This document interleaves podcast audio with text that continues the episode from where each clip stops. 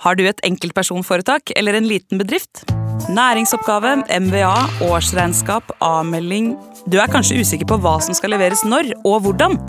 Regnskapsprogrammet Fiken gir deg full kontroll, og skulle du glemme noe, gir vi deg en påminnelse. Selve innleveringen gjør du også raskt og enkelt i programmet. Gjør som over 70 000 andre, ta regnskapet selv med Fiken. Prøv gratis på fiken.no. Du hører på Flukten fra Svarttrost. Dette er den første av åtte episoder, og jeg heter Sindre Liganger. En grytidlig oktobermorgen i 1942 så oppdager gartneren Rolf Syversen fire jødiske brødre som har gjemt seg bak drivhusene. Nazistene har bestemt at alle jødiske menn over 15 år skal arresteres, og brødrene trygler gartneren om hjelp. Sånn starter fortellinga om norgeshistoriens største redningsaksjon, der rundt 1000 forfulgte mennesker etter hvert ble smugla over grensa til Sverige. Og det er Simon Stranger som forteller.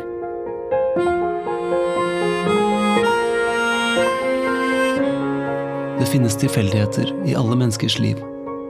Små og store hendelser som noen ganger kan vise seg å få lange og vidtrekkende konsekvenser. En kvinne mister bussen og møter derved mannen hun senere gifter seg med. En gutt blir forkjølet og unngår en alvorlig ulykke dagen etter. Slike små og store tilfeldigheter som veves sammen og blir til livene vi lever. En av disse hendelsene knytter min egen familie sammen med flere tusen andre. Jeg heter Simon Stranger, og du hører på Flukten. Fortellingen om krigens største redningsaksjon.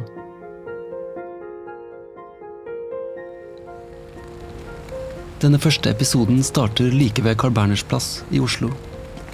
Det er midten av februar. Luften er kald og rå, og jeg passerer et skilt med de stillferdige ordene 'Dette er et fint sted'. Oppe på toppen av bakken venter den jødiske kunstneren Viktor Lind. Han er 79 år gammel, kledd i svart vinterfrakk og med to vennlige øyne under den svarte sixpensen. Vi stanser på fortauet mellom de lave blokkene, som ser ut til å være bygget en gang på 60-tallet. En ung mann med trillekoffert og en baby på magen passerer idet vi stopper opp foran et kunstverk som er felt ned i fortauet, uunnselig. Skal vi se. Her er det en liten stjerne i hvit granitt som er felt ned i fortauet. Og på den står det 'Her lå Syversens gartneri'.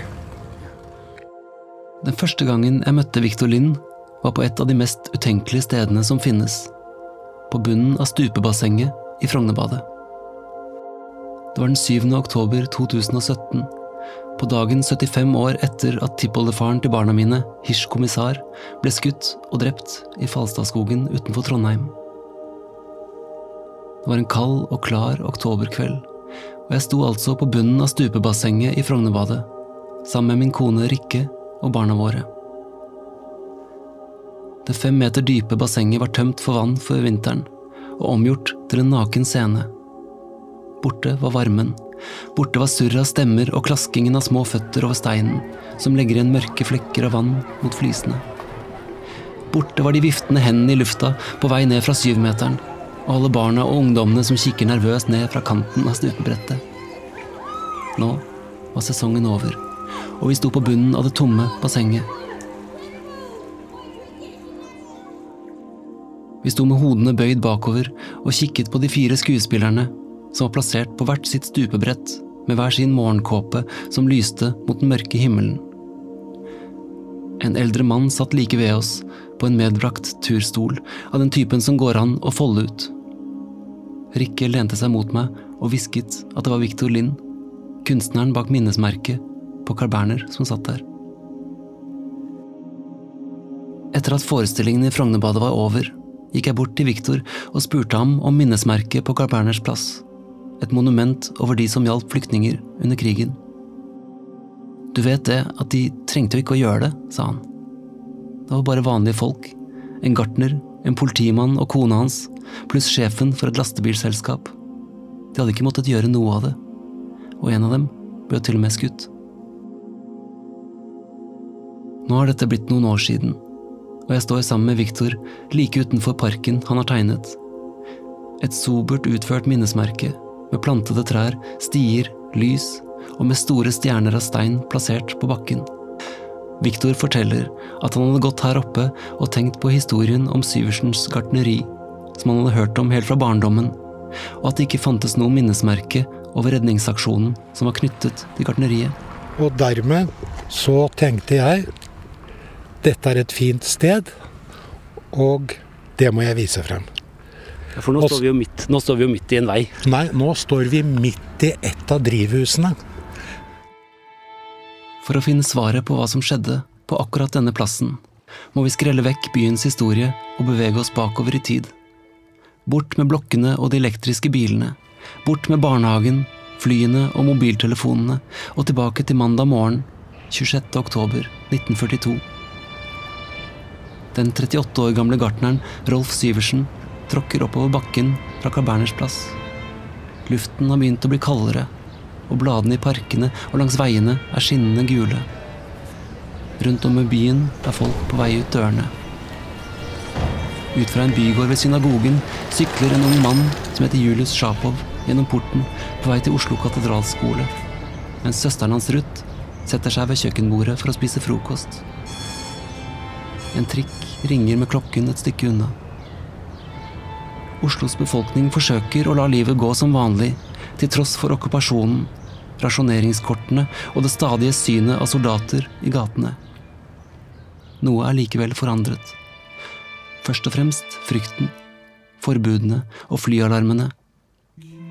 Og for jødene i byen Flere jødiske butikker er stengt. På fotografier fra begynnelsen av krigen kan man se vinduene til en interiørbutikk i sentrum, der noen har malt over med store bokstaver. Jødeparasittene skaffet oss 9. april! Under er det malt en davidsstjerne. I vinduet ved siden av har en liten gutt stoppet opp for å lese. Jøde. Stengt. Og på et tredje vindu ordene Palestina kaller. Jøder tåles ikke i Norge. Dette er ikke nytt. Motviljen mot jødene har ligget latent i kulturen, og den andre paragrafen i den norske grunnloven fra 1814 sier at jøder er utelukket fra adgang til riket. Aller tydeligst høres hatet i talene til Vidkun Quisling. Den kommunistiske lære er unnfanget av jøder og satt i verk av jøder. Bolsjevik-revolusjonen i Russland 1917 ble finansiert av jødebankiene i New York. Et tilsynelatende paradoks som bare kan finne en tilfredsstillende forklaring i den kjensgjerning at så vel de anglosaksiske plutokratier som den russiske bolsjevisme begge er redskaper for den internasjonale jødedoms verdenserobringsplaner. Og så, den 26. oktober, kommer ordren om at alle mannlige jøder over 15 år skal arresteres. Man kan bare se for seg surret av stemmer inne på kontorene til de forskjellige politikamrene.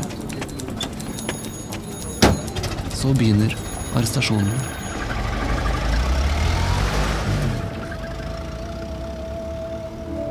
Rolf Syversen vet ingenting om politibilene mens han går opp til gartneriet. Hjemme venter kona hans Klara, gravid. Kanskje tenker Rolf over innkjøpene han nylig har gjort. De 700 rosebuskene som nettopp er ankommet. Og hvilke blomster han skal ta med ned til markedet på Stortorget senere på dagen. Og hvor mange han vil få plass til på lasteplanet. Plutselig får han øye på noe som beveger seg. Like bak et av drivhusene Kanskje tror han først det må være et av rådyrene som iblant kommer ned fra marka for å spise av frukttrær og bærbusker i hagene. Så ser han at det ikke er et dyr. Det er mennesker. Kanskje stikker et kne fram, et hode, og kanskje blir Rolf Syversen redd et øyeblikk, engstelig for hvem det her kan være, før han ser dem. Fire menn som sitter på huk tett inntil hverandre. Fire jødiske brødre på flukt fra politiet.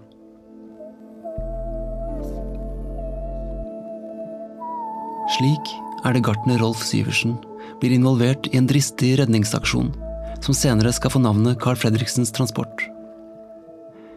En av de som har betalt en høy pris for aksjonen, er sønnen hans, Øyvind Syversen, som fremdeles lå inne i magen til moren da alt dette begynte. Podkasten er sponsa av Gjensidige. Når jeg ellers oppsøker kunder, så har jeg jo fått en skadesak, men her var jo ingenting meldt. Det var jo ingen som hadde hatt tid til å melde inn sakene her, for det kom jo så brått på. Jula 2020 rammes Gjerdrum av et katastrofalt skred, og Monica Døviken får en telefon fra sjefen sin. Gjensidige vil ligge i forkant, og Monica og kollegaen Eina melder seg til arbeid. De ringer alle kundene i området. Og det verste som jeg syns, var jo det der med uvissheten, da. Hvem er det vi ringer? For vi visste jo ikke hvem som var tatt av skredet. Og møter da folk som har mista hjem og eiendeler, og noen som dessverre mista familien sin. Og det var jo tunge samtaler, og vi satt jo døgnet rundt i de første dagene der. På den andre sida av telefonlinja møter jeg mennesket som står på bar bakke.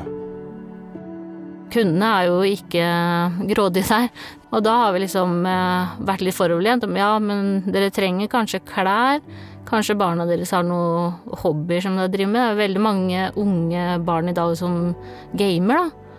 Trenger dere noen nye ting til det? Møbler, sånn at dere kan føle at dere har et lunt og godt hjem, da. Over et år har gått, men ulykka preger fortsatt hverdagen til de ramma. Eh, folk som ikke har eh, kanskje jobba med det, som ikke har eh, bodd i det området eller kjenner noen som har vært i skredet, da. De har vel kanskje begynt å glemme det litt, men eh, vi har jo fortsatt saker som vi ikke har avslutta. Og så har vi jo familier, da, som har berørt oss, som vi har snakka med. Og dem tror jeg aldri vi kommer til å glemme. Gjensidige har sikra liv, helse og verdier i over 200 år. Vil du bli en av oss? Sjekk ut gjensidige.no jobb. Før du hører videre, så vil jeg tipse deg om en annen serie som du finner her i Svarttrost Dukk. Baneheia-drapene rysta hele Norge, og lettelsen var stor da Viggo Kristiansen og Jan Helge Andersen ble arrestert. Dagen etter at de to guttene er arrestert, så smeller da alle avisene opp med store oppslag. ikke sant? VG har en forside som heter Tatt, da, hvor det er bilde av de to guttene. da.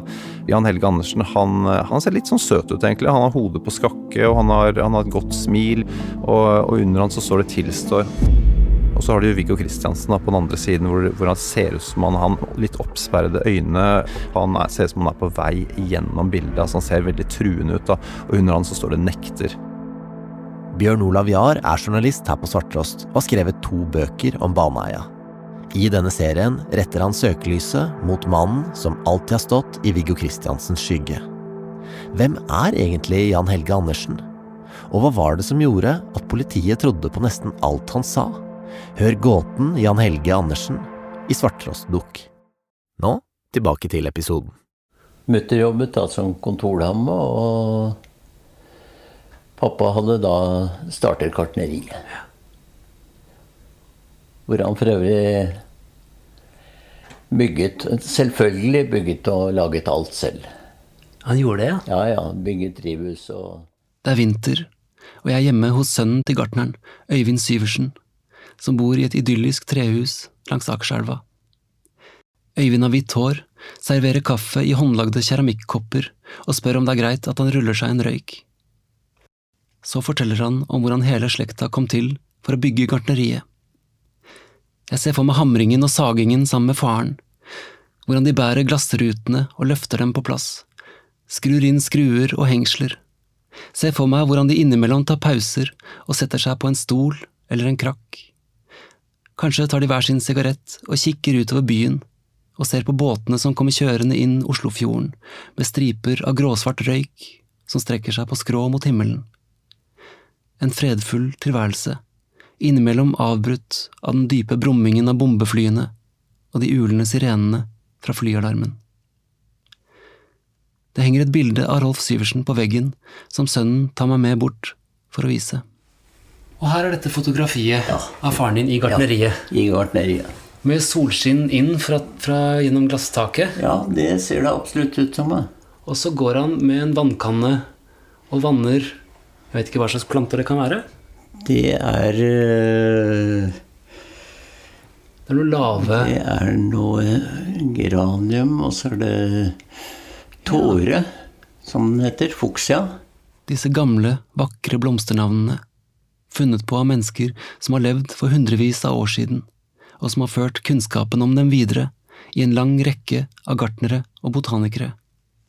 Geranium, fuksia, som altså betyr tåre.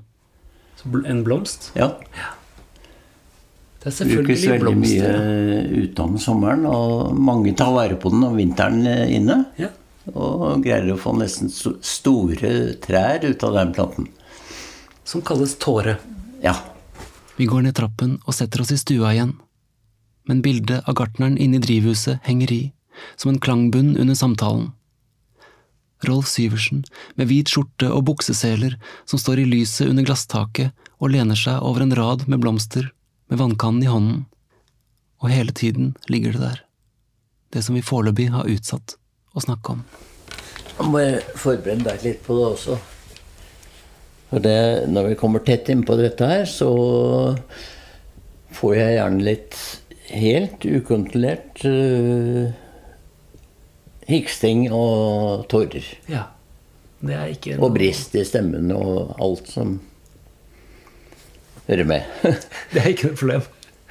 Nei, altså du er forberedt. Det er ikke noe mer gærent. Men det er, det er faktisk en Jeg kaller det en sorg som bare vil frem. En sorg som bare vil frem. Det er ikke vanskelig å forstå, ikke når man kjenner til tragediene som venter. Men du, gartneriet. Kan du ta oss med til uh, gartneriet denne dagen i oktober i 1942? Og faren din kommer tidlig på jobb. Ja.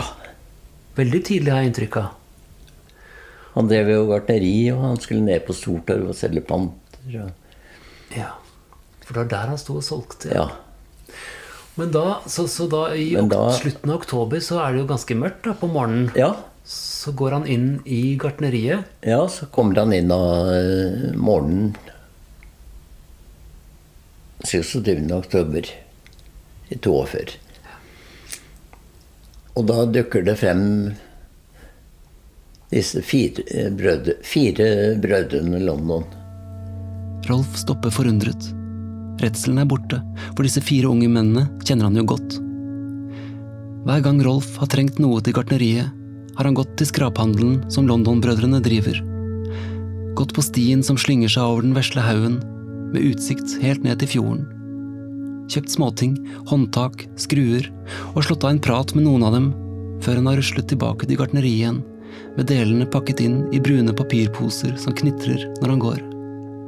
Fugler som kvitrer over ham, av de som ikke har fløyet sørover før vinteren.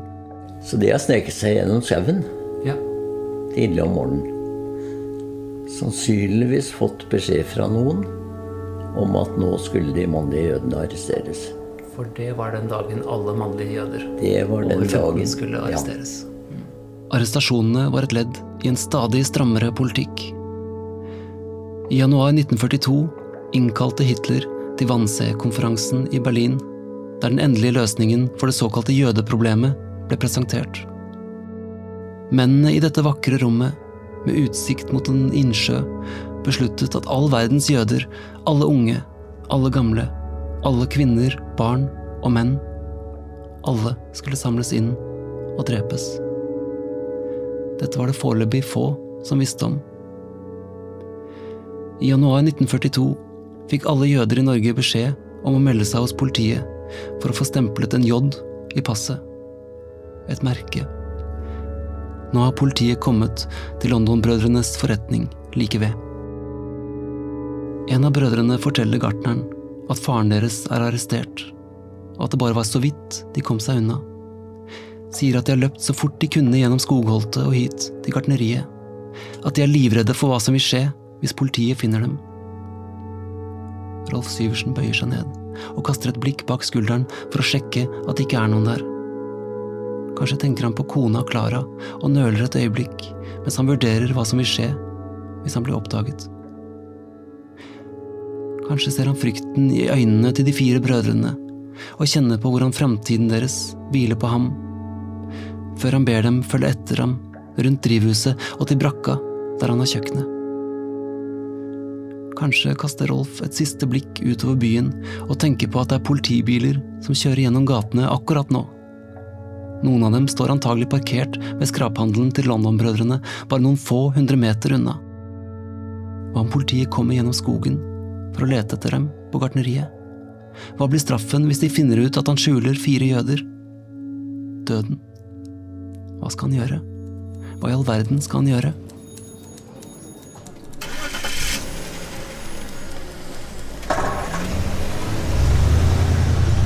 Samtidig kjører politimennene rundt de adressene de har fått oppgitt, og utfører ordrene sine. Det største antallet biler er på vei til Karl gate 15 i Oslo sentrum. Her ligger synagogen, og her er bygården med flest jøder i hele Oslo. En av dem er Ruth Sjapov, som bor i første etasje sammen med moren Ella, faren Salomon og broren Julius. Mandag 26. oktober 1942 er Ruth 17 år gammel og på vei til jobb. Det er en skuespiller som leser Ruths stemme som ung, basert på nedtegnede hendelser og gamle intervjuer. Hvordan det er her? Nei, vi lever et helt vanlig liv. Vi snakker jiddisch hjemme og norsk når vi er ute. Pappa driver en dagligvarehandel rett her borte, og kan en del norsk. Mens mamma kan veldig lite. Men det gjør ikke noe. Det er ingen som plager oss fordi vi er jøder. Og det har det ikke vært i oppveksten heller. Den eneste forskjellen på meg og de norske elevene var at jeg ikke fikk lov til å plukke blomster og bær på sabbaten. Og en dag eh, da vi hadde husstell og skulle slakte en gris på skolen, da fikk jeg være hjemme. Det finnes et fotografi av Ruth og Julius, antagelig tatt den siste sommeren før arrestasjonene begynte. Julius ser ut som han er 20 år gammel, Ruth er 17, og de står med hver sin sykkel. Julius lent over sykkelstyret med kortermet skjorte og kort hår. Ruth har på seg kjole, har halvlangt, mørkt hår og smiler mot fotografen, som sannsynligvis er faren deres. Julius er liksom den skoleflinke av oss, da. Og går på Oslo katedralskole. Det var ikke noe for meg. Jeg sluttet på skolen etter 7. klasse og begynte å tjene egne penger i stedet. Nå jobber jeg på et varelager borte i Skippergata. Det er et hyggelig sted, og sjefen der er veldig grei. For en stund siden ba han meg komme inn på kontoret, og så hvisket han til meg at han kjente folk som hjalp jøder til Sverige. Jeg takket nei. Hvorfor skulle vi bryte opp? Hva skulle vi gjøre i Sverige? Vi har det jo så bra her. Eller vi har hatt det så bra. Helt frem til dette. Til tross for okkupasjonen og de stadige innstrammingene, så er livet deres her. Så kommer denne mandagen, den 26. oktober 1942.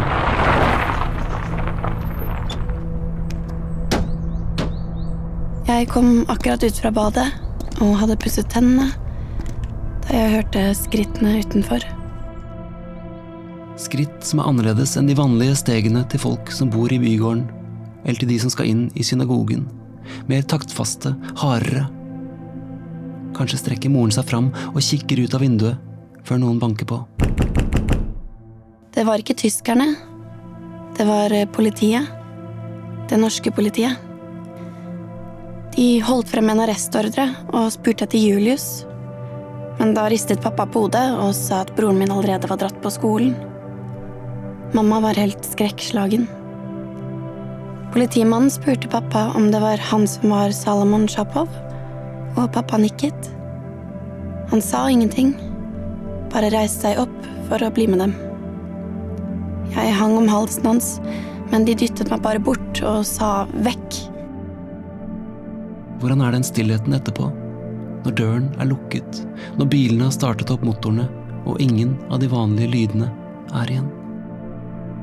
Jeg visste ikke hva jeg skulle gjøre. Det var jo mandag morgen, og jeg måtte på jobb som vanlig. Da jeg kom hjem på ettermiddagen, hadde de tatt Julius også. Mamma satt bare taus ved kjøkkenvinduet. Hun var helt knust. Jeg vet ikke hva vi skal gjøre. Hva kan vi gjøre? Vi har fått beskjed om å melde oss på politistasjonen hver dag, så de vet at vi ikke rømmer. Hvis vi prøver å gå i dekning, eller snike oss over grensen til Sverige, kommer det til å gå utover pappa og Julius.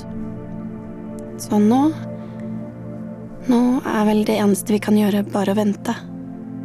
Håpe. Samtidig denne oktobermorgenen står Rolf Syversen sammen med de fire London-brødrene i gartneriet. Fire brødre som er født i Norge, akkurat som ham. Som jobber hardt, akkurat som ham. Nå skal de arresteres, uten å være skyldige i noe annet enn å være jøder. Han er nødt til å hjelpe dem, er nødt til å gjøre noe, selv om det er farlig. Men hva?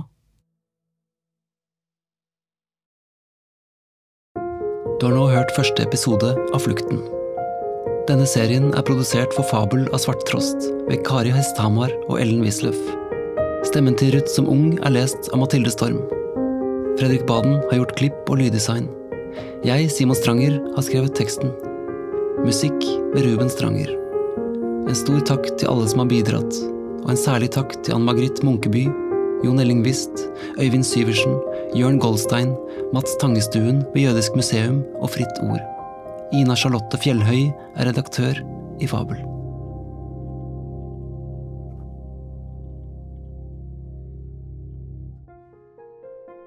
Hvis du har lyst til å høre flere episoder av denne serien nå, så kan du bli abonnent på Svarttrostdukk. I podkastspilleren til Apple så gjør du det ved å trykke på abonner-knappen. Og hvis du hører gjennom Spotify eller andre plattformer, så kan du følge lenka i episodebeskrivelsen. Som abonnent så er du med å støtte alle oss her på Svarttrost, sånn at vi kan lage flere dokumentarserier. Resten av denne serien er eksklusiv for abonnentene våre. Du kan bli abonnent ved å søke opp Svarttrostdukk i podkastspilleren til Apple eller i Spotify. Hos Apple så kan du trykke på abonner-knappen i appen, mens i Spotify så kan du følge lenka i episodebeskrivelsen. Og hvis du har spørsmål, så finner du oss i Svarttrost på Facebook og Instagram.